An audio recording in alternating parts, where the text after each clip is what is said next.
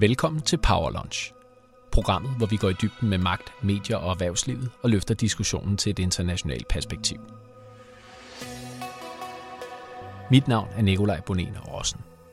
Jeg driver til hverdag et PR-bureau med internationalt udsyn og har taget udtrykket Power Lunch med hjem fra The Four Seasons Restaurant på Manhattan, hvor det siden 1979 har været brugt til at beskrive og institutionalisere frokostmøder mellem indflydelsesrige individer. Vi er på restaurant Marshall på Hotel D'Angleterre, som har givet os lov til at optage denne serie podcast på stedet. Konceptet er Candid Conversation, det vil sige åbenhjertige samtaler over tre retter mad, og med hver ret tager vi hul på nye samtaleemner. Programmet er tilrettelagt af Annette Halstrøm. Velkommen til.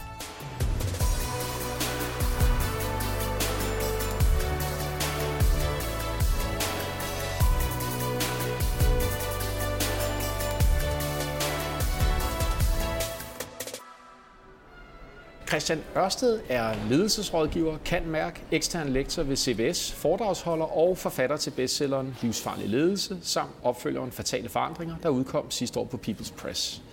Hans speciale er forandringsledelse, et begreb, der i stadig stigende grad får lov at sætte dagsordenen i dansk erhvervsliv, og som han til hverdag rådgiver og uddanner et hushu af Danmarks største virksomheder i, fra F. Møller til Energikoncernen, der tilfældigvis bærer hans efternavn, foruden almindelige interesserede danskere via hans faste klumme ved Berlingske Business.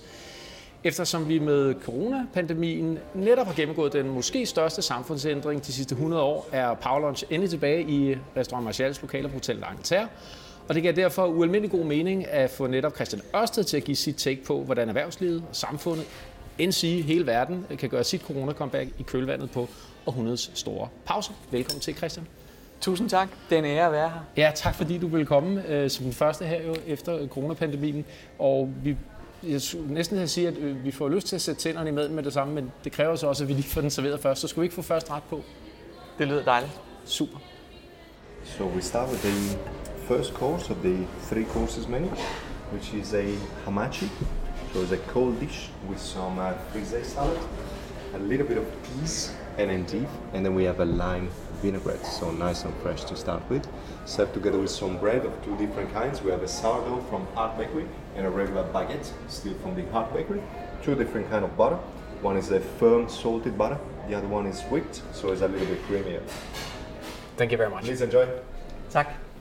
Det trængte vi dig til. Tag for dig inde. Fantastisk. Ja, og nu ved jeg ikke, om det her det er en Instagram-frokost, men det er det i hvert fald for mig. Så jeg tager lige et øh, billede af vores mad, inden at øh, jeg sætter tænderne i den. Ja, men det skal du være Øh, velkommen til. Det er jo en smuk, Og- smuk servering. Ja, og det er, også, at- det, er jo, det er jo lang tid siden, man også har været så heldig, at man rent faktisk kan komme ud på restaurant igen. Så det er jo en, en ekstra god dag i dag. Solen skinner, vi sidder godt nok ikke udenfor, vi sidder indenfor. Men øh, det til trods, tror jeg nok, vi skal få et skønt måltid med. Jeg Så ville inden for ønske, dig, at jeg, hvis nu er et høfligt menneske, så havde jeg jo sagt, ja, utroligt at være ude at spise igen. Jeg var faktisk for 14 dage siden, efter de åbnede. Men det er dejligt at være tilbage. Ja, jeg fik ikke den samme ret, men jeg fik ikke et godt billede, så nu er der rettet op på det. Tusind tak, Nicolaj. Øhm, men jeg skulle til at sige, at det her interview, det er jo, det jo næsten var, var bound to happen, eftersom vi jo er blevet ved med at rende på hinanden øh, i København. Og det starter, altså, øh, det, det starter helt tilbage øh, ved Talent 100-konferencen i, her i København på CBS i 2017. Der ja. Ja. var du speaker. Og der var Det- du talent. Der var jeg til Det med stadig, dengang. Det, det er jeg stadig tusind. Der var det du selv også. Det er du ved med at være. det, det, det, det, mener jeg også, at øh, øh, du netop også har været en gang. Og jeg får kun lov til at stå på scenen og, og fortælle om min øh, fejltagelse, ligesom jeg gjorde øh, Okay. øh, der, til det arrangement der. Jamen, jeg, jeg skulle faktisk lige til at sige, jeg, jeg må indrømme, at jeg kan ikke helt huske, hvad det var for nogle råd, du gav med på vejen dengang. Men jeg lader mærke til din seneste kronik i Berlingske her i februar. Og der var dit gode råd. Drop de gode råd. Øh, lyt mere og stil flere spørgsmål. Altså, jeg skulle til at sige, er det ikke helt modsat af, hvad man normalt skal gøre, når man er ledelsesrådgiver? Er det ikke netop at give de gode råd? Men Jeg tror, der hvor, hvor jeg kom, det var min første bog, den handlede om digital forretningsstrategi, jeg kom i 99, så det var jo sådan en bog fyldt med gode råd. Og så finder man jo ud af, hvad gør folk med gode råd? De gør ikke nødvendigvis noget, som er hensigtsmæssigt. Øh, og det undrede mig meget, det her at frustrationen. Man skriver en bog, fordi man ønsker, at der er et eller andet, der udvikler sig og bliver bedre. Men det gør det ikke nødvendigvis. Så det, som livsfarlig ledelse handlede om, det var faktisk det at opgøre med de gode råd. At gode råd som regel både gør den, der giver rådet, og den, der modtager det dummere. Fordi det, der er det væsentlige og det afgørende, men er det noget, man skal lære, øh, kan du sige, de, øh, det næste kul af talenter i virkeligheden, at de ikke skal give nogen gode råd? Skal de ikke lige præcis dele ud af den erfaring, de får? Mm, jeg tror, det er vigtigere end at øh, fokusere på, hvad man skal gøre, og forstå, hvad for en situation man er i. Og vi bruger for meget tid på at diskutere, hvad vi skal gøre, før vi egentlig har forstået, hvad problemet er. Også i forlængelse af den bog, jeg lige har, har fået dig, Thomas Vedel Vedsborg, What's ja. Your Problem? Så vi handler, altså det, det, er jo ikke et råd, det er et spørgsmål. Hvad er problemet egentlig? Hvad er det egentlig for et problem, vi prøver at løse? Er den løsning, vi har fat i, i virkeligheden også den, som løser det underliggende problem? Det, som vi i virkeligheden burde gøre noget ved? Ja, det er måske og jeg synes, det er interessant, så tit vi falder i fælden og gør noget, som løser det første problem, vi hører om, eller problemet ud for de præmisser, vi har hørt om det på, frem for virkelig at interessere os for at udforske, hvad er det, der foregår, sådan så at de løsninger, vi kommer frem til, de er holdbare. Og de kræver som regel andre end dem, som er til stede i samtalen. Så når jeg er ude som ledelsesrådgiver, så er det jo sjældent ledelsen, der har løsningen. Det er i hvert fald ikke mig. Altså, der er kunder, der er medarbejdere, der er samarbejdspartnere, der er leverandører, der er nogle majstindsatser, der er alle mulige ting på spil. Og der er aldrig en situation, hvor det er fuldt belyst, hvad der er på spil for, øh, for de relevante parter. Det er altid der, hvor jeg træder ind som rådgiver og siger, lad os se, hvad er det, vi ikke har fået kigget på? For det er jo derfor, problemet er der. Det trives i kraft af, at der er noget, der har været svært at, at hive fat i eller finde frem. Ja, men jeg skulle lige til at sige, at, at du har været så venlig at komme med en bog til mig, der netop hedder, for lige at sige det også til lytterne, What's Your Problem, der er skrevet af en dansk øh, ledelseskonsulent, øh, der hedder Thomas Vedel Vedelsborg på Harvard Business Review Press, øh, som jo er et meget øh, præcisfuldt forlag at udkomme på med sine bøger.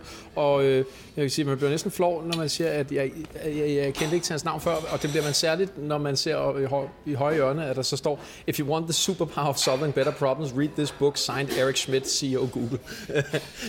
det det, det må man sige, det er noget af en reference. Altså tusind tak for den, det vil jeg glæde mig til. At, Thomas er jo min gode ven, men han er også inkarnationen af det her. Han er, jeg tror faktisk også, at han er den eneste dansker, der har fået udgivet to bøger ja. øh, på øh, Harvard Business School Publishing. Det, er, det er ikke hvem som helst, der bare lige kommer det, det, det, det, det, det, jeg lige kalder Nikolaj Koster Maldau syndromet. Du ved, det er ja. en, der virkelig har opnået fame i udlandet, men i Danmark har man aldrig rigtig... Det ved man ikke helt, ja. ja.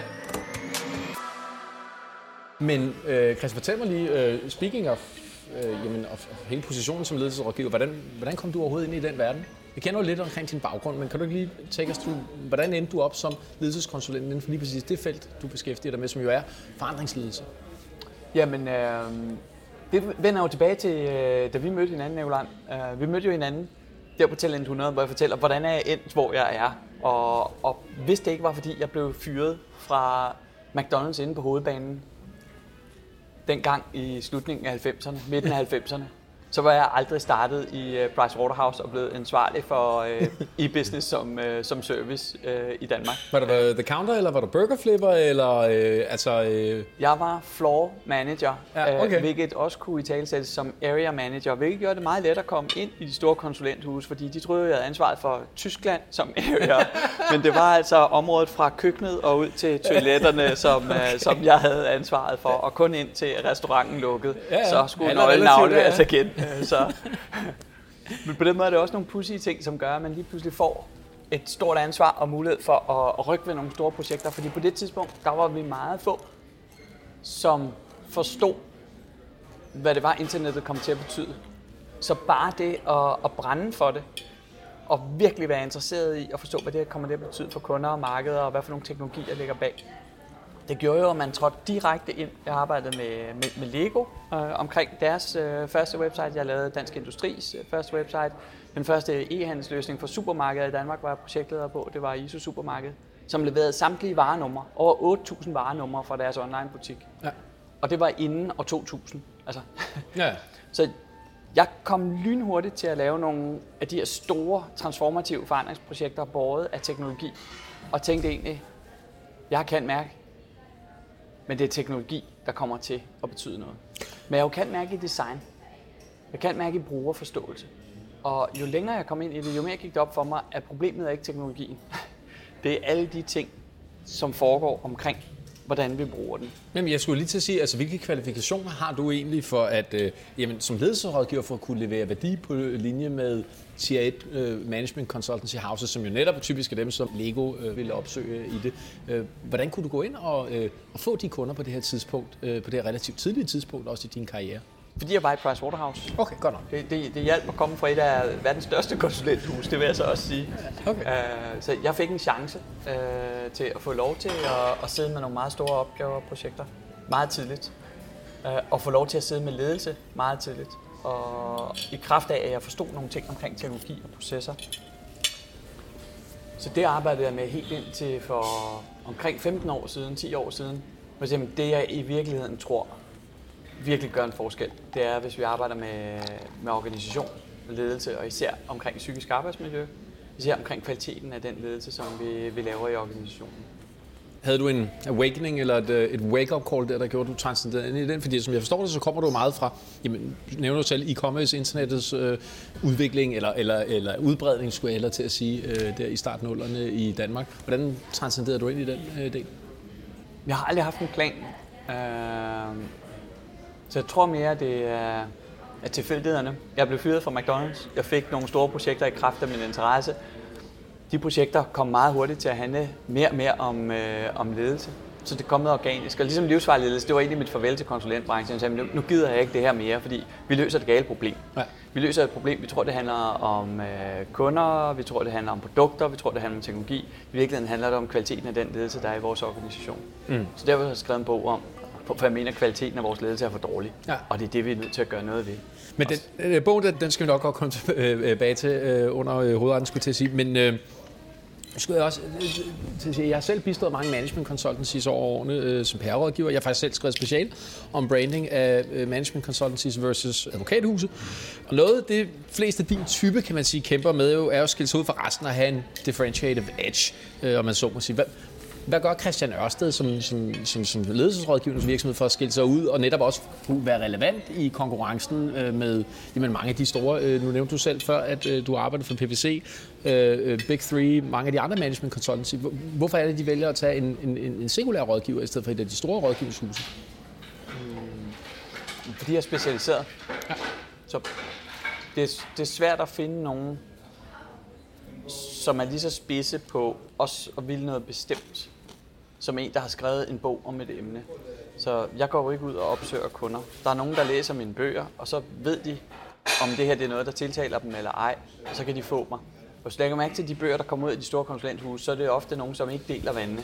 Så er det nogen, som og de bliver delt gratis ud. Der, ja, men der er også sådan lidt, så kan man på den ene side gøre sådan, og så kan man på den anden side gøre, hvor, hvor øh, som solo, så kan man få lov til at stå lidt mere skarpt, og så sige, jeg mener faktisk, de her ting er dysfunktionelle. Jeg mener faktisk, den måde, vi bruger kopier på, er skadelig for den performance, vi har i virksomheden. Det får du ikke i samme grad en bog frem om fra et stort konsulenthus, hvor en stor del af forretningen også er at få ryddet op i dem og få dem til at fungere, de kopier. Ja. Så jeg tror, vi kan noget særligt, når vi er, mindre, øh, ved at være meget tydelige fra starten, hvad for en dans er det, vi inviterer til. Og, og jeg behøver jo ikke have særlig mange kunder, fordi jeg er kun mig. Mm. så, så jeg er jo hurtigt fyldt op. Ja. Øh, så på den måde løser problemet også sig selv.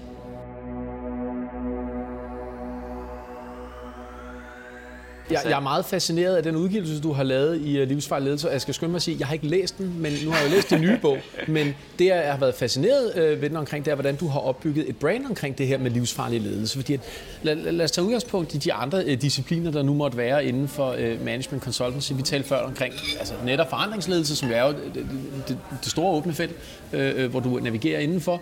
Uh, krisekommunikation er et øh, felt, jeg navigerer meget indenfor, men du har jo rent faktisk formået at opfinde dit eget felt der, hvor du via alliteration har fået rubriceret det på en måde, så det virker som et, et trademark brand, noget, der har været der hele tiden. Livsfarlig ledelse. Der er en masse kognitiv dissonans bygget ind i det, fordi hvorfor skal, være, hvorfor skal ledelse være livsfarlig? Altså, det, det stiller en masse spørgsmål, som ikke bliver besvaret før, end du åbner munden om det. Det er det, der er så spændende ved lige præcis det brand, der man udvikler omkring det. Så det, det var noget, jeg synes var rigtig spændende første gang, jeg hørte dit navn. Øh, og øh, jeg lægger mærke til med det samme, jeg kan se det i næren, ikke? Altså livsfarlig ledelse. Det er godt coined som term.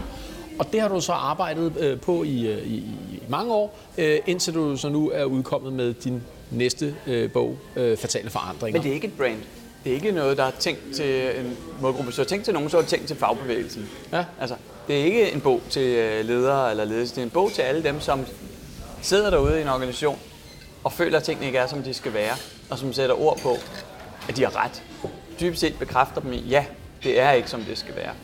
Og jeg havde håbet, at det ville få fagbevægelsen til at sige, at vi skal kæmpe for nogle af de her ting. Ja. Det har den også gjort. Men jeg havde ikke tur håbe på, at der også er rigtig mange virksomheder, hvor topledelsen siger, selvfølgelig, ja. selvfølgelig skal vi det her, fordi selvfølgelig er der en performancefordel i det.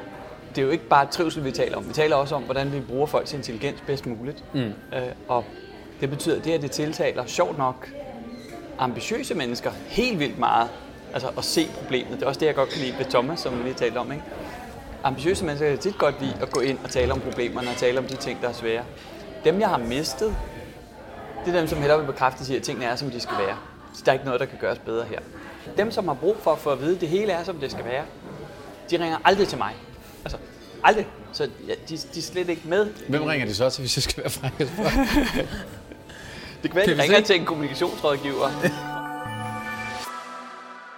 Men jeg tror, at de fleste øh, inden for både ledelse og ledelsesrådgivning er der enige i, at øh, strategy must be revisited, hvis ikke øh, hver tredje måned, så hver tredje uge. Øh, at øh, gå tilbage og øh, genbesøge, hvad er det, vi laver, hvor er det, vi er på vej hen. Er der mange virksomheder, ud fra din erfaring, der rent faktisk sidder fast i de der gamle, øh, dogmatiske måder at køre det på, hvor at man har en skemalagt en strategi for to år gang, og så er det bare jeg synes i hvert fald, at vi ser rigtig mange, som prøver at kommunikere sig ud af reelle forretningsmæssige problemer ved at, at pakke det ind på en måde, som ser spiselig ud. Og det er jo lige præcis nogle af de måder at pakke det ind på, som jeg tager fat i i fatale forandringer. Ja. For eksempel sådan en idé om forandringskurven, at folk vil reagere negativt, når vi laver en organisationsforandring. Ja.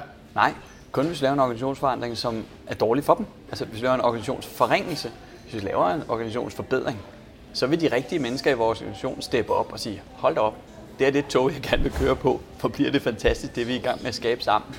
Og vi behøver ikke fortælle folk, at det bliver let. Det er jo også en ting, der ligger i det, vi tit træner ledere i, at de skal kommunikere. Det her, det skal I nok kunne klare, det bliver let, vi har tænkt over det, det bliver godt. Mange dygtige mennesker, de har meget mere brug for at at vide, at det her, det bliver faktisk rigtig svært. Det bliver utrolig svært, men vi bakker jer op undervejs, når det bliver svært, fordi det er vigtigt, at vi lykkes sammen. Lige inden øh, vi startede optagelsen her, der, der drøftede vi to lidt øh, omkring det her med ledelse og kommunikation, og hvordan de to ting øh, hænger sammen. Og øh, det kan vi komme tilbage til senere, men det er i hvert fald, jeg, jeg, jeg, jeg kan høre dig sige, det er, at øh, man måske har en tendens til gennem kommunikationen at oversælge situationen til øh, de respektive stakeholders, i stedet for rent faktisk at revisite, hvad er problemet, hvad øh, kan vi gøre noget ved det, og få ændret på det, i stedet for bare at sælge det videre. Men Jeg tror også, der er en præmis i kommunikation, der er forkert. Fordi mange tænker, når de tænker kommunikation, så tænker de på budskabet, de afsender. I stedet for at tænke i dialog. Hvordan bliver vi klogere af de andre, som er involveret i den problemstilling, som vi arbejder med? Øh, det, der er vigtigt, når vi laver en forandring, det er jo ikke, hvad ledelsen siger.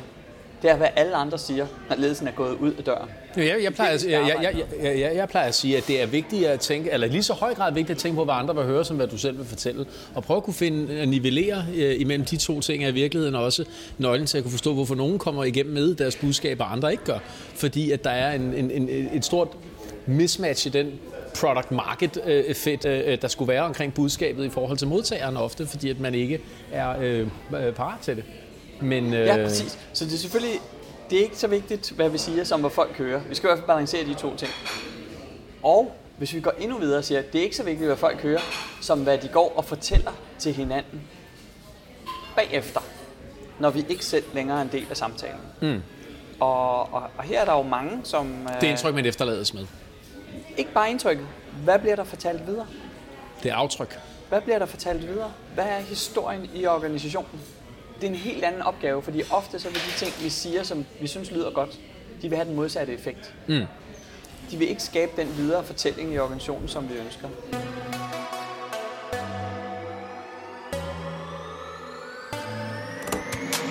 Wonderful. So these are main course from the lunch menu. We have a pigeon, where you can see both a breast and a pigeon leg. The leg is filled with uh, pigeon heart and liver. Then you have some crushed potatoes and green asparagus. And then we finish the dish with a uh, jus. And you also have some ramson oil on the plate, just to split the sauce and give it a little mm. bit of a mm. green note. Very nice. stadig Instagram-mad. Ja, ja, ja, endelig, endelig. Det er en smuk servering. Christian, din, øh, din seneste bog, øh, Fatale Forandringer, den har sit udspring i en anekdote vedrørende en, en ulykke, der finder sted i 1988 på en boreplatform ved navn Piper Alpha i Nordsøen, hvor 167 mennesker mistede livet. Jeg skal ærligt sige, at jeg var ikke engang bekendt med den her ulykke, men jeg er født i 87, så det måske have noget øh, at gøre med det. Men det viser sig at jeg burde på en eller anden måde også have lidt bedre forståelse for den her ulykke, for det viser sig, at der er en borebisse her ved navn Andy Mocken. Han tager springet og redder ikke bare sit eget liv, men kommer med det her spring til at institutionalisere begrebet The Burning Platform, øh, som jeg tror, de fleste i erhvervslivet har stiftet bekendtskab med på et eller andet øh, tidspunkt. Jeg må ærligt sige, at jeg var slet ikke klar over, at det var herfra, der havde sin oprindelse, men Andy Mocken, han sprang for sit liv, Hvorfor er det her overhovedet en relevant analogi for at beskæftige sig med for erhvervslivet? Det, det forstår jeg faktisk ikke. Så det kunne jeg godt tænke mig, at du fik besvaret lidt. Ja, det gør jeg heller ikke. Det er jo derfor, jeg har det med. Fordi altså, det fordi vi, springer mig... jo ikke, vi bespringer jo ikke fra vores eget øh, øh, liv i erhvervslivet, og når vi taler om The Burning Platform øh, øh, i, i, i alle de samtaler, man har ude i erhvervslivet, så er det, at vi skal skynde os at gøre det her. Det er en brændende platform, vi skal hoppe op på den, komme videre. Manden har hoppet fra den. Men det er jo det har været en central tænkning i, i ledelse siden uh, Taylor begyndte med sine effektiviseringer, at uh, folk ikke gik på arbejde, fordi de ville give deres bedste energi til det. Og derfor så er vi nødt til at have en eller anden form for styring eller pres for, at øh, de engagerede og motiverede gjorde deres bedste.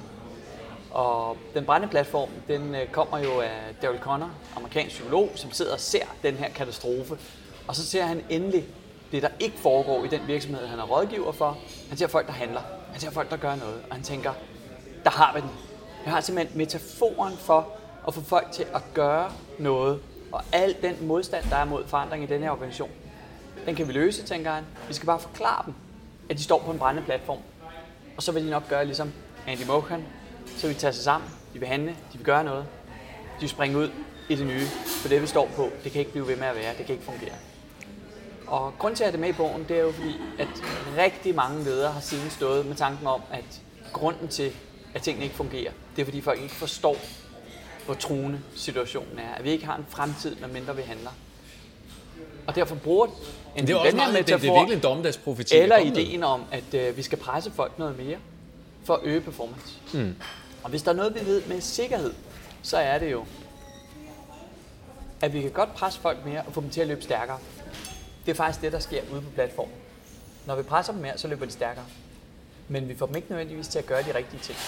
Dem, der overlever, de overlever jo på trods af omstændighederne. Og derfor er det jo også lidt øh, sjovt at forklare til, øh, til, til dig, der, der er født for sent til at høre den her i, i, i ledelsesretorikken i, i overvis, hvor vi har sagt til folk sig selv ude i DR, der, der siger, øh, Men jeg tror de, altså begrebet, vi står på en brændende platform. Altså, og, og, og alle, der arbejder med kommunikationsfolk, alle kommunikationsfolk, de ser med det samme tænker sådan, hold da op, der er nogen her, som fuldstændig har tabt deres begrebsapparat, så de bliver simpelthen hængt op uden på bygningen i DR byen. Vi står på en brændende platform, fordi man gør tykt nar af sin ledelse, fordi det er jo også helt åbenlyst, at en ledelse, der siger det her, har overset noget. Det, de har overset, det er, at man får ikke sine bedste idéer, når man, bliver, når man står ude på en brændende platform. Man arbejder ikke bedst sammen på tværs, sammen med andre afdelinger, når man skal skynde sig væk for at redde sit liv man opfinder ikke den fremtid, som vi har brug for, ved at være udsat for et umenneskeligt pres. Så ja, Connor, han finder løsningen på at få folk til at handle, men han finder ikke løsningen på, hvordan vi kommer godt igennem forandringer. Og alligevel, så når forandringen støder på grund, så ser vi igen og igen, så er der altid nogen, som tænker, ah, folk har nok ikke forstået situationens alvor. Vi er nødt til at forklare dem situationens alvor. Jeg tror, det vi er nødt til at forklare folk, når vi står i forandringer, det er, at vi har deres ryg. At det er svært, anerkendende, at situationen er vanskelig, men i langt højere grad sænke tempoet for at sikre, at de problemer, vi løser, det er de rigtige. Og det betyder ikke, at vi ikke nogle gange skal effektivisere og, og fyre folk og sige farvel til nogen. Selvfølgelig er det nødvendigt nogle gange. Men det, som jeg tror skal være hovedfokus, når vi skaber forandring, det er faktisk, hvordan skaber vi tryghed for dem, vi har brug for at beholde. Men, men, hvordan sikrer vi, at de føler sig bakket op? Hvordan sikrer vi, at de har muligheden for at løse deres opgaver godt? Så når der er modstand mod forandring, så er det jo oftere, at der er modstand mod dårlig ledelse, end forandringen som sådan. Det var lige, fordi, det var lige præcis det, jeg skulle til at spørge dig om, fordi noget af det, som du også pointerer på, det er, at forandringens natur ligger altid den her modstand fra, øh, øh, fra dem, den bliver... Øh, den, den undergår, skulle jeg til at sige. Altså, øh, hvorfor ligger det så meget i os som mennesker, både som privat og professionelt, at vi er så meget imod for, øh, forandringens natur? Det er jo også en, en, en myte, der kommer af folk, der ikke har, øh, har forstået forandringens natur. Fordi der er jo ikke modstand mod forandringer. Folk opsøger jo hele tiden forandringer i deres liv. De opsøger bare en bestemt type forandringer. De opsøger forandringer, hvor de kan mestre ting. Ja, de opsøger, de- men når forandringen bliver trukket ned over hovedet på dem, som den, den brændende platform, øh, altså, Jamen, så, så der er modstand mod forringelser. Der er modstand mod umenneskeligt pres. Der er modstand mod tab af status. Der er modstand mod en ledelse, jeg ikke har tillid til. Der er modstand mod overraskelser. Hvorfor er der modstand mod overraskelser? Det er jo veldokumenteret i forskningen. Folk hader overraskelser. Det ved alle tænkende mennesker jo. Det er jo derfor, vi laver en ønskeliste til jul. For vi ønsker at fortælle vores familie, selv dem, der kender os bedst, hvordan de ikke kan overraske os, men giver os det, vi selv har besluttet. Og vi kender jo alle sammen situationen juleaften også, hvor der er så en, der har købt noget, der ikke står på ønskelisten. Og hvad er det første, de siger? Bare rolig. den kan byttes. Den kan byttes. Lige præcis. For at give råderummet tilbage. Når vi kigger på det, så er det jo fordi, der ligger noget dybt menneskeligt omkring behovet for autonomi og kunne præge tingene. Og hele Taylors tankegang omkring effektivisering og virksomhedsledelse, den er jo faktisk baseret på, at ledelsen tænker bedre end medarbejderne. Så tankegang om pres og brændende platformer osv., den virker faktisk, så længe medarbejderne er idioter, og ledelsen er genier. Så det er rigtig god ledelsesrådgivning for mennesker som Steve Jobs, som er så dygtige, så folk står i kø for at få lov til at arbejde sammen med geniet. Der kan vi faktisk godt have en brændende platform. Men det spørgsmål, jeg stiller de steder, jeg kommer, det er, kan det tænkes, at det er nogle af dine medarbejdere, der har geniet? Hvis det er sådan, at vi har brug for deres bedste tænkning, så er vi nødt til at orkestrere vores forandringer på en anden måde, end at øge presset. Så er vi måske nødt til at orkestrere det på den måde, som vi orkestrerer alle de forandringer, som folk selv opsøger, som bliver til forbedringer. Og der er jo ikke noget modsætningsforhold mellem ledere og medarbejdere i dag. Der er jo ikke nogen, der går på arbejde for at sænke den forretningsmæssige værdi. Alle er jo godt klar over, at den langsigtede relation, den ligger i, at vi arbejder godt sammen og skaber resultater. Der er ikke nogen, der ikke vil skabe resultater, og hvis de ikke vil det, så er det jo ikke forandringsledelse, der er brug for. Så er der også brug for at sige farvel til dem. Sige, du vil noget andet end det, vi gør her. Så det, der er ledelsesopgaven, det er jo at holde op med at spænde ben for folk, der gerne vil skabe resultater. Og især holde op med at spænde ben for de signaler, der kommer fra dem, når vi som ledelse har gjort noget, der ikke virker for dem. For hvis der er modstand, så er det jo sandsynligvis, fordi det, vi har gjort som ledelse, ikke er det, der vil virke bedst. Fordi vi som ledelse har overset noget. Og der kan vi jo vælge to ting. Vi kan skrue op for retorikken, vi kan skrue op for kommunikationen, vi kan fortælle dem, at de står på en brændende platform, eller vi kan fortælle dem, at vi har tænkt på det hele, og det bliver godt. Men vi kan også lytte. Vi kan også lytte. Og det er jo dybest set det, der er budskabet med fatale forandringer. Those that say cannot be done should stop interrupting those that are doing it. Jeg skulle til at sige, at øh, Danmark end sige hele verden jo, er jo netop øh, åbnet op igen efter øh, pandemien. Øh, og det gør det også relevant på det her tidspunkt, Christian, også at spørge til, hvad er de største forandringer, du ser, at dansk erhvervsliv står overfor her i kølvandet på coronapandemien? For det, er jo, det har jo været den helt store pause. Øh, øh der, det har på mange måder givet tilløb til, at folk har kunne stoppe op og tænke sig om, hvad er det, vi har gang i? Hvordan skal vi forholde os til den her forandring? Hvad er det, du ser, som er de helt store udfordringer, vi kommer til at stå øh, overfor her nu i kølvandet? Jamen, jeg tror faktisk, Dennis Nørmark sagde det bedst. Han havde en klumme, hvor han øvrigt refererede til fatale forandringer. Dennis Nørmark er ham, der har skrevet pseudoarbejde. Mm. Og vi har lige startet en tænketank sammen om øh, fremtidens arbejdsliv, arbejdsliv. Sammen med Camilla Kring og Malene Friis Andersen og Emilia van Havn og Jakob Søndergaard. Og det, vi kom frem til der, det er jo faktisk, at corona har vist, at der ikke var modstand mod forandring. Altså, folk har gjort fantastisk mange ting, som har været utrolig vanskelige for dem selv, for at få tingene til at fungere på deres arbejde. Det er ikke forandringen, der har været modstand mod. Men nu hvor vi kommer tilbage igen, så ved vi jo ikke noget om, hvordan fremtiden den ser ud. For rigtig mange virksomheder, de tror og har håbet på, at vi kan komme tilbage til normalt, at vi kan komme tilbage til det, der var før. Og det vil jo være en, et fantastisk tab af læringsmuligheder. For vi har jo lært utrolig meget af at skulle arbejde på andre måder. Vi har lært utrolig meget af en periode, hvor tingene ikke har været som normalt. Vi har lært utrolig meget om, hvad der er dårlig ledelse, fordi dårlig ledelse også er blevet meget mere synlig, når vi er på distancen. Alle de ting, som vi kan tage i opløbet og undgå, når vi går sammen på et kontor, de har jo ligget og luret i lang tid nu. Øhm, og dem har vi en mulighed for at invitere tilbage ind og, og håndtere og gøre noget ved. Så jeg tror ikke, vi kan sige, hvordan fremtidens arbejdsliv bliver. Men jeg tror, vi kan sige rigtig meget om, at i alle organisationer, der er der sket en enorm læring om, hvad for nogle ting, der fungerer, og hvordan vi kan have et mere fleksibelt arbejdsliv, som hvis man ikke er i stand til at, at tage det alvorligt og lytte til det, så får vi bare flere freelancere. Så får vi flere sådan nogen som, som mig, som vælger at sige, jeg vil hellere være spids på mine kompetencer og solo, og så kan jeg blive hyret ind de steder, hvor øh, man kan bruge mig, generalist.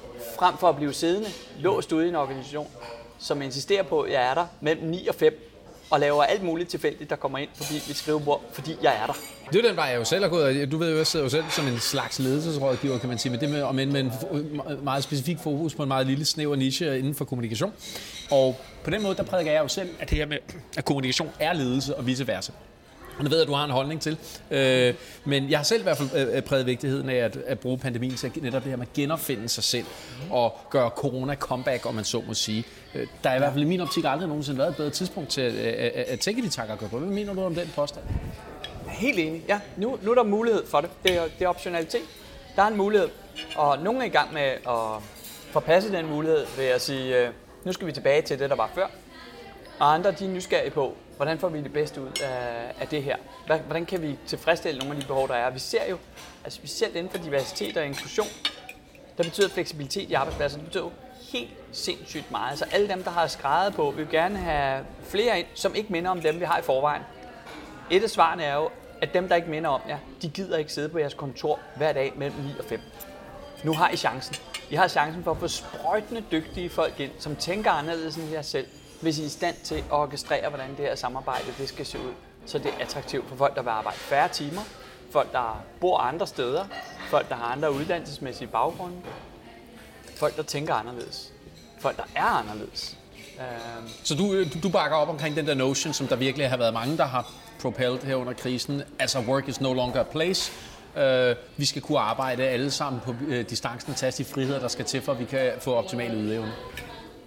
Det tænker jeg også er en... Så, så holder vi bare fast i det, der var under pandemien. Så jeg, jeg tror, vi skal finde noget nyt. Jeg tror ikke, vi skal finde en ny normal eller en ny fastlåst.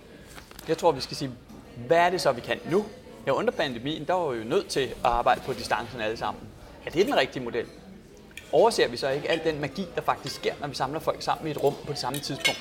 Overser vi ikke al den magi, der sker, når vi har tilfældige møder med hinanden, som vi ikke havde planlagt på forhånd? som ikke skal en kalender, fordi vi er et sted, fordi vi har et tilhørsforhold, fordi der er en kultur. Så svaret på spørgsmålet er, at det er en hybrid, eller øh, hvordan, hvordan ser du så det øh, arbejdsmiljø, det optimale arbejdsmiljø, vi kan komme ud i herefter? Jeg tror, det er forskelligt, øh, og jeg tror mange steder, der vil det være... Øh, der vil det både være nogle af de ting fra den gamle verden, og, og nogle af de ting, som vi har gjort i de seneste øh, 12-18 måneder. Men hånden på hjertet, så er der jo også mange ting de seneste 12-18 måneder, som har været ekstremt dysfunktionelle. Altså, vi har aldrig set en større ensomhed, vi har aldrig set en større isolation, så vi har jo skabt nogle vinder og nogle tabere. Så småbørnsfamilier, hvis børnene er helt små, tabere. Det er jo reelt arbejdsforbud at sidde i en mindre bolig med to skrigende unger, mens du skal være på Teams-møder. Altså, så har vi mennesker med lidt større børn. Øh, vinder, altså helt fantastisk. Øh, mulighed for at, at arbejde mere fleksibelt.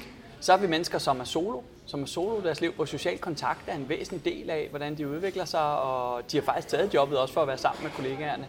Så jeg tror virkelig, vi er nødt til at kigge på, at det er forskellige ting for forskellige grupper. Og så er vi nødt til at kigge på, hvad for en organisation er det, vi gerne vil have? Hvad vil vi gerne være for folk? Og skal vi være de samme, som vi var før? Er det her ikke også chancen for at få nogen ind, som er lidt skæve, som er lidt anderledes, som vil noget lidt andet? Du skriver i et øh, kapitel, at man i 1960'ernes USA godt måtte lyve for, eller op til 1960'erne i USA godt måtte lyve for terminal syge på hospitalerne. Det, det, det, det var virkelig noget, der overraskede mig. Jeg var ikke klar over det. Man simpelthen undlod at sige det til dem, hvis det altså endelig var nært forestående. Og jeg kan ikke lade være at tænke på øh, måden, hvorpå man selv forholder sig til døden i dag, i dansk politik, i samfundet på mange måder, godt kan minde lidt om den tankegang. Altså, det er jo, det er jo døden, og ikke coronavirus, der er den citat, farlige gæst, som dronningen udtrykte, vi så noget vil byde indenfor i vores liv. Hvorfor tror du, at døden spiller, og det er jo altså den største forandring af alle, en så tilsyneladende en lille rolle i vores hverdag? Mm, det ved jeg ikke. det ved jeg ikke.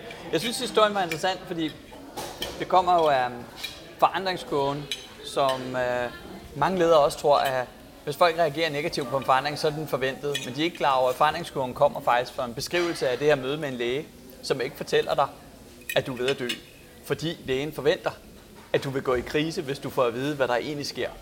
Og jeg kan ikke lade med at tænke, at der er en parallel i, i ledelse også, at ofte så er problemet ikke den dårlige nyhed. Det er faktisk uvidsheden, at vi ikke ved, hvor vi har hinanden. Lige så snart vi bringer det ud af uvidsheden og ved, hvor vi har hinanden, så har vi også mulighed for at gøre noget ved det og kan tale med hinanden om det. Men det er klart, nu, det har også været nemmere nu, kan man sige, fordi der har været unison fokus for første gang i verdenshistorien på et enkelt emne. Jeg mener ikke, at man i kommunikationshistorie øh, øh, har haft, og måske 9-11, der var der sgu også unison fokus, men det var lige i et par uger, and that's it.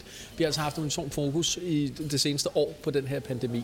Øh, men mit spørgsmål var egentlig ikke øh, så meget i forhold til... Øh, øh, øh, Øh, i forhold til øh, øh, pandemien som sådan. Det var faktisk mere holistisk i forhold til døden som begreb, som er jo et enormt tabuiseret øh, ja, begreb, øh, den ultimative forandring af alle. Og jeg ser, at den fylder forsvindende lidt i vores allesammens hverdag, til trods for, at det er et uundgåeligt vilkår sammen med, med skatter og hvad det er, man ellers siger, øh, øh, der kommer til at præge tilværelsen.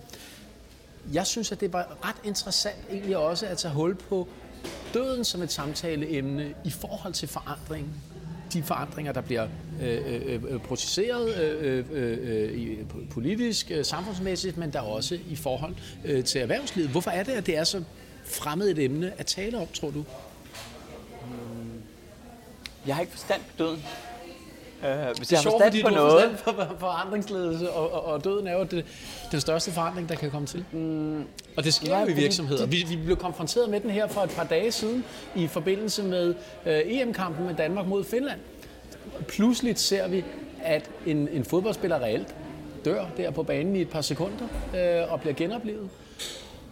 Og vi taler altså om, at han fik hjertestop og så videre, men, men meget få evner måske også at forholde sig til virkeligheden af, at jamen, vi havde et menneske her, der, øh, hvis øh, liv var ved at sætte ud, og, og, og det glemmer vi hurtigt, for nu skal vi hurtigt videre, og det, det var simpelthen så fantastisk, at han øh, øh blev vækket til live igen. Se, så det var jo netop ikke døden. Det var, det var truslen om døden, eller risikoen for døden. Så det, jeg har forstand på at arbejde med, det er jo tit problemer eller smerten. Øh, det er det, der sker med alle de andre. Så jeg, jeg tror, at døden er et mindre interessant problem rent ledelsesmæssigt, fordi det er afsluttet. Og vi leder ofte efter ting, der bliver afsluttet ledelsesmæssigt. Så er det klaret, så er strategien implementeret, så er opgaven solgt, så er opgaven gennemført, så er vi videre, så er det næste kvartal. Hvor det, som er, er interessant, det er jo det, der fortsætter. Og det gør de fleste ting. Så det ser vi jo også i, i fodboldkampen her. Det, der er fokus på, selvfølgelig er der fokus på Christian Eriksen, der falder om. Men det, vi har set allermest omtale af, det er, hvordan reagerede de andre? Hvordan reagerede UEFA? Hvordan reagerede de øvrige spillere? Hvordan reagerede træneren? Og, og det er jo det, der ledelsesmæssigt er, er den interessante opgave. Selv når døden indtræffer, og hvis døden er indtræffet, truffet, så det, vi skal kigge på og kan gøre noget ved, det er, hvordan reagerer folk omkring os? Hvad er det, de andre gør? Der tror jeg, at fremtidens organisation simpelthen er nødt til at være forbindelig ikke bare gode nok compliance-tankegangen, som sikkert også lå ude for det var også begrundelsen, der kom bagefter. Ja, men det er sådan, vi normalt gør, når der er en, der har forstuet en fod, eller faldet, eller et eller andet, så, så giver vi muligheden. Men det var i hvert fald ikke forbilligt. Der var ikke nogen, der blev inspireret af UEFA's måde at håndtere krisen på. Men der var rigtig mange af os, der blev inspireret over de andre spillere. Og også træneren, som går ud og siger bagefter, jeg vil ønske, at jeg havde sagt noget andet og gjort noget andet. Hvor var det sejt.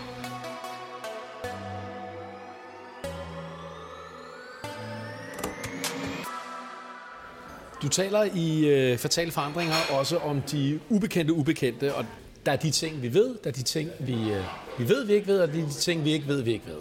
Øh, og du tilskriver det øh, USA's tidligere forsvarsminister øh, Donald Rumsfeld. I virkeligheden tænker jeg det måske mere sådan en viderebygning på algorien om Platons grotte, øh, hvor det øh, kan være ualmindeligt svært for filosofen at, at forklare hulemændene, at, øh, at der kigger på skyggen på væggene, øh, at, øh, at verden er meget utrolig udenfor. Er det sådan, det føles at være øh, ledelsesrådgiver i Danmark? At skulle forklare folk, at de ting, de ser foran sig, måske slet ikke er de problemer, som, som, som, øh, som der, der, der virkelig gør sig gældende for den situation, de er i. Jeg skal aldrig forklare nogen noget jo. Øh, det er det gode ved mit arbejde. Altså, hvis det er, at jeg skal forklare nogen noget, så er det jo et tegn på, at jeg, jeg har fejlet. Øh, så er jeg faldet i min egen fælde. Det er også det, den fælde, der kommer, når du spørger mig, hvad med døden? Du stiller mig et spørgsmål uden for mit ekspertiseområde. Øh, det ser vi jo hele tiden. Det er jo noget, journalister også er eksperter i at, at gøre. Og så er der jo nogen, der så tror, at nu fordi de bliver spurgt, så er de eksperten i det så svarer de, så finder de på et eller andet. Og alle ja, det kan genkende, ja, ja. at nu der er en, der er i gang med at finde Han på, at vedkommende er ekspert. Ja. Men det er de ikke. Så det der med at kunne sige, det ved jeg ikke, det er helt sindssygt vigtigt ja. i forhold til det her. Og jeg tror, at i det øjeblik, jeg som ledelsesrådgiver siger, det ved jeg ikke, så giver jeg plads til, at andre kan være dem, der ved det. Ja. Og jeg har endnu ikke været ude i en organisation, hvor der ikke var nogen, der vidste det. De er bare ikke nødvendigvis blevet inddraget på en relevant måde i processen. Og det er det, der sker, når ledelsen tør sige, vi ved det ikke, og rådgiverne tør sige, vi ved det ikke. Det er, så skaber vi faktisk plads til, at der er andre, der stepper op og bidrager med deres viden. Øh, men det kræver jo, at der er nogen, der er nysgerrige nok og siger, vi ved det faktisk ikke. Vi har brug for at høre, hvad andre ser, øh, og hvordan andre oplever den her situation. Og det er jo guldgrupper, der dukker op. Altså ingen af de, nu er du selv kommunikationsrådgiver, skandalesager, som har domineret pressen de seneste 10 år, hvor der ikke har siddet ret mange medarbejdere og været klar over det her problem, før Berlinskes graverredaktion afslører det og viser det. Det er jo ikke noget, pressen finder på. Det er problemer, som har været og været velkendt i organisationen rigtig længe. Men det er ikke altid, ledelsen har været klar over, at de var der. Eller været klar over, at de var nødt til at håndtere dem. Og der ligger der jo noget i Rumsfelds idé om det her med ubekendte, ubekendte. Til, hvis vi kan gå ind og tale åbent om, at der faktisk kan være afgørende, kritiske, væsentlige ting, vi ikke selv er klar over, så inviterer vi dem, der kan støtte os ind i processen, lige med det samme. Det er også det, der måske sker her i forbindelse med den her fodboldsag her. Tænk, hvis dem i UEFA også siger, at vi ved faktisk ikke, hvordan vi griber sin sag an. Så vil der være kø af mennesker, som hjælper dem med at håndtere det bedre i fremtiden. Men hvis de siger, at vi har gjort det helt rigtigt, og den er rigtig juridisk, så er den lukket. Men, men er det generelt... Og der er ingen, der er inspireret. Men, men, men, men det er jo enormt, og jeg har haft mange herinde til forårs, hvor vi talt netop omkring det her med fejlbarlighed, og det at kunne indrømme en fejl. Og det er ualmindeligt svært at gøre det i politik. Det er ualmindeligt svært for folk at gøre det inden for journalistik. Og jeg oplever en vis udstrækning også, det er øh, for folk inden for erhvervslivet, øh, simpelthen fordi, at der står for mange interesser øh, på spil i forhold til at mætte defeat. Men jeg personligt selv er stor fortaler for, at jamen, har man begået en fejl, så man skynde sig bare opmærksom på den. Fordi så er det typisk ikke så slemt, som man kunne have ventet, at det kunne være worst case.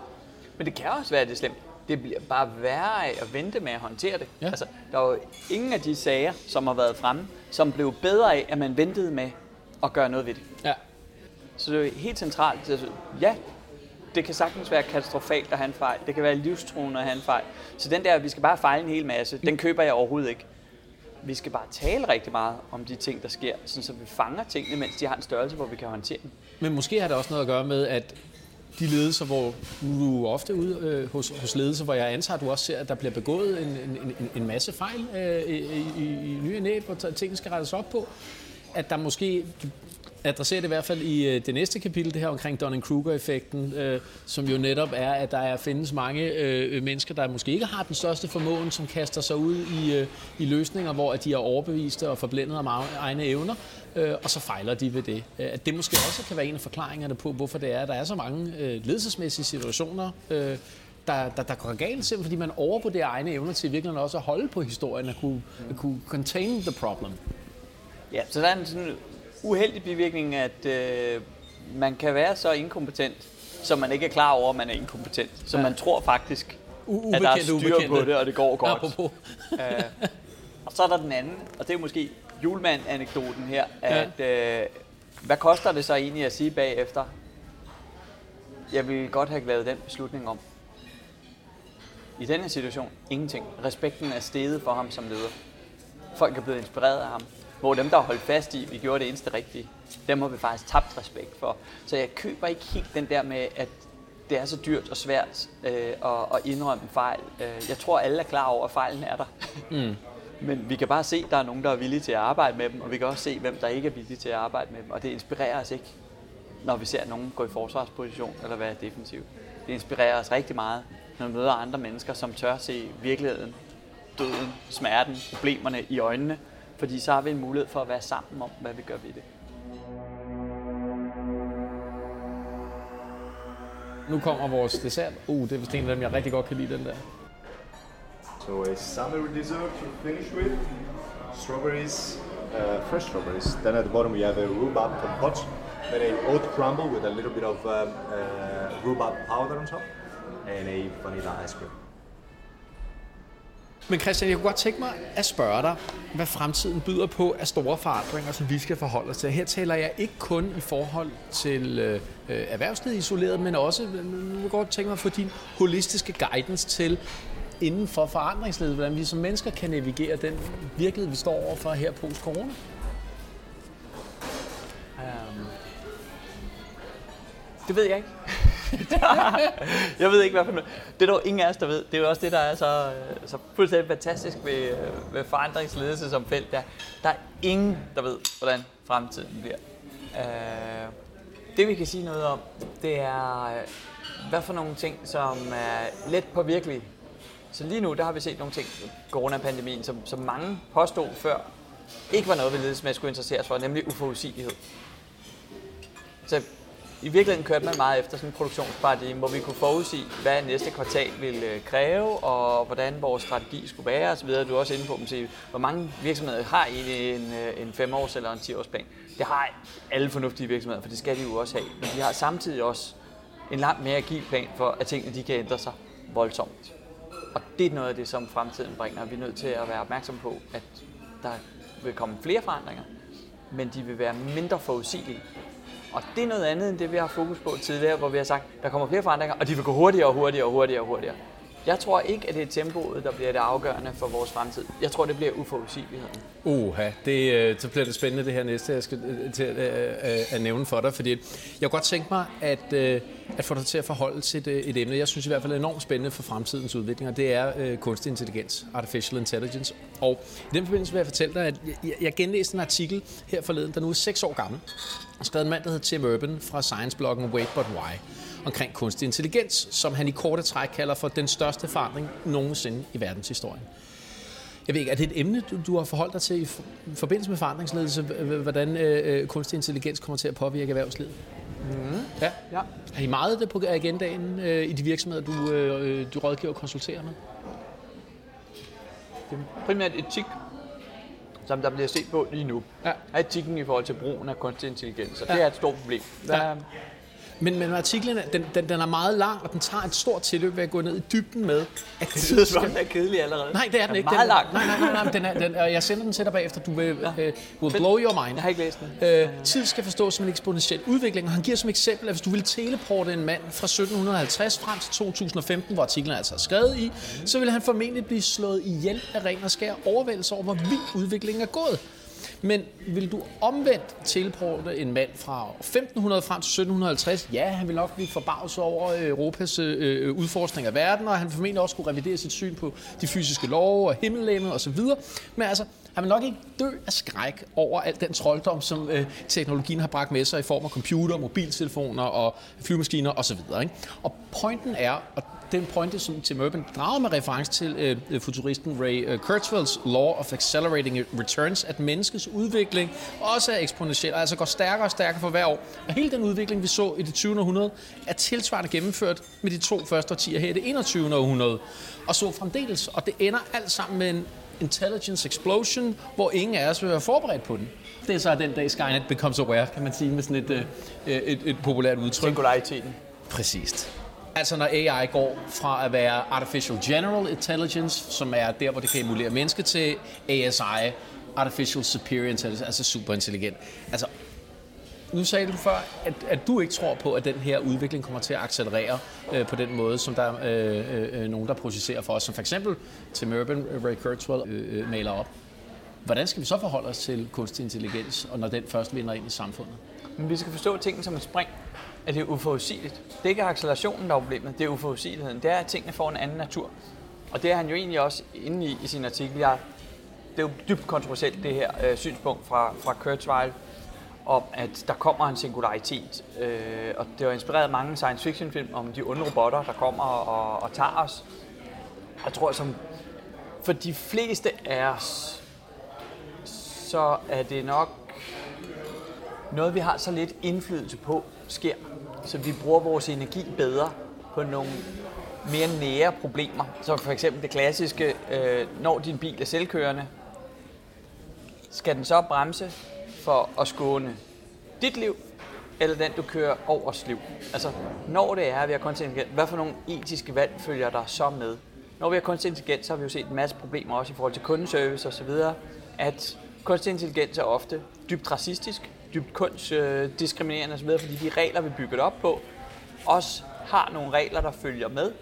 for os, og den respons, der kommer ud fra nogle grupper, som er de grupper, som stiller op tidligst til øh, at teste den slags, det som vi så med Microsoft Cortana, deres version af Siri, som de måtte nedlægge og lukke i en periode, fordi den svinede folk til med racistiske udsagn.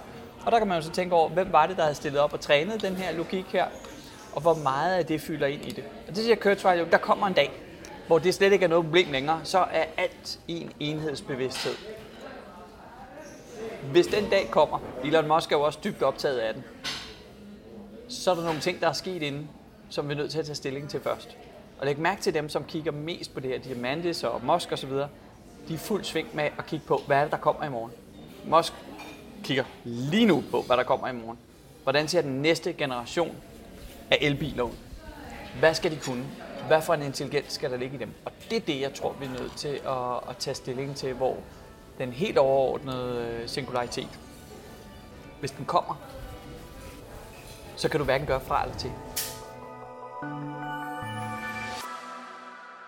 Nu taler jeg om på et måske lidt øh, øh mere højdragende plan øh, øh, i forhold til hele øh, den øh, verdensomspændende samfundsorden, øh, der kan risikere at blive omvæltet som forandring øh, og konsekvens af øh, øh, kunstig intelligens. Hvordan er vi overhovedet klædt på til at håndtere den udfordring, som når, det du taler om med kunstig intelligens? Vi er jo ikke engang klædt på til at håndtere en coronapandemi. Altså vi så jo, vi skal ikke længere tilbage, et år tilbage, hvor der sad mennesker i Danmark, hvor den raser i hele verden, og så siger, mundbind virker ikke i Danmark, fordi vi er helt specielle i Danmark. Vi ser endda danske forskere, der laver et studie, som siger, mundbind virker ikke for dem, der bærer dem, som fuldstændig overser, at formålet med mundbind er ikke at beskytte den, der bærer det, det er at beskytte alle andre. Altså hvor man simpelthen ser sådan en dansk indelukket logik, hvor vi undersøger det forkerte fænomen, i stedet for at undersøge, hvad er det, det betyder for fællesskabet.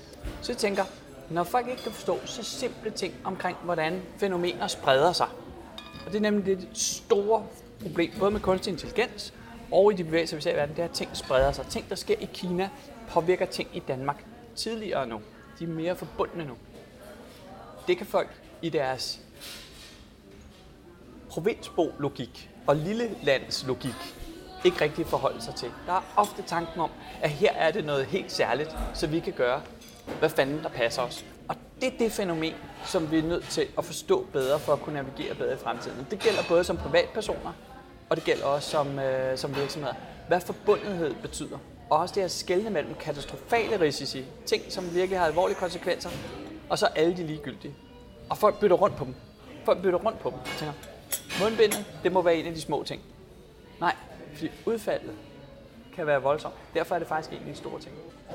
Det er jo ikke, når du skal læse livsvejlig den sidste sætning i bogen, det er en af mine personlige kæpheste. Vi skal blive bedre til at passe på hinanden.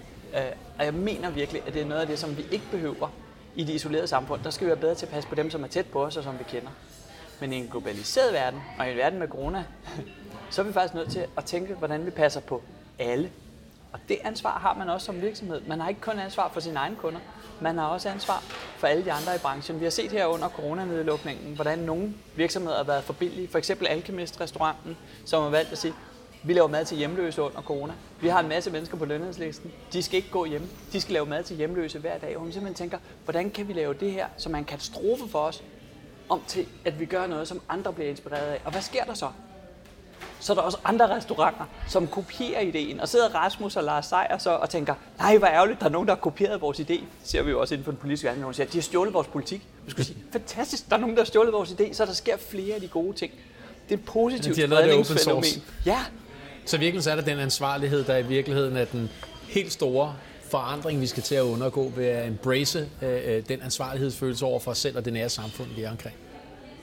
Jeg tror, at evnen til at udvide sin ansvarlighed, det bliver den vigtigste ting. Og hvis vi er sammen med mange, som gør det, så kan vi få en, en positiv fremtid. Og hvis vi fortsætter provinsbo-mentaliteten med, at det handler om dem, der er tæt på mig. Det handler om dem, vi kender. Og sort-hvid tænkning, enten er det godt, eller også er det skidt, i stedet for at forstå, at der er gråzoner, og hvert et positivt skridt i den rigtige retning kan altså lave et afsæt af noget, som andre kan blive inspireret af. Og det er jo det, fatale forandringer handler om. Jeg kunne godt tænke mig at lokke folk til at komme med i en rejse ud i forandringer, som er baseret på fællesskaber. Som er baseret på, at det, der de andre tænker, og det, de andre føler, og det, de andre modtager, betyder mere end den plan, jeg havde. Og derfor kan jeg heller ikke lide dit spørgsmål om, hvad skal vi gøre ved fremtiden, eller hvad kommer kunstig intelligens til at betyde? Fordi jeg, jeg tror ikke, vi ved det, men jeg tror, vi kan finde ud af det sammen hen ad vejen. Og så tror jeg, at hver af de der små skridt der, de kan sætte nogle positive aftryk, som gør, at vi gør mere rigtige ting. Men jeg er også skræmt af de ting, jeg ser i verden. Jeg synes, jeg ser rigtig mange ting, hvor folk de regredierer til at beskytte sig selv. Dem også. Der er nogen, der er rigtige, der er nogen, der er forkerte. Og jeg tror virkelig, vi er nødt til at tage dem mere tæt ind på, øh, på os og, og samarbejde om og, og finde løsningerne. Christian Ørsted, tusind tak, fordi du kom. Tak fordi jeg måtte komme. Det er en ære både at være sammen med dig, men også det selskab, som øh, jeg er kommet i ved at, at være med i Power Lunch her. Og så ovenikøbet kunne sidde og meske mig i de fineste delikatesser, mens vi taler om ledelse og livet og, og verden derude. Hvor dejligt at se dig. Hyggeligt meget. Du lyttede til Power Lunch. Mit navn er Nikolaj Bonin Rossen. Programmet var tilrettelagt af Annette Halstrøm. Tak fordi du lyttede med.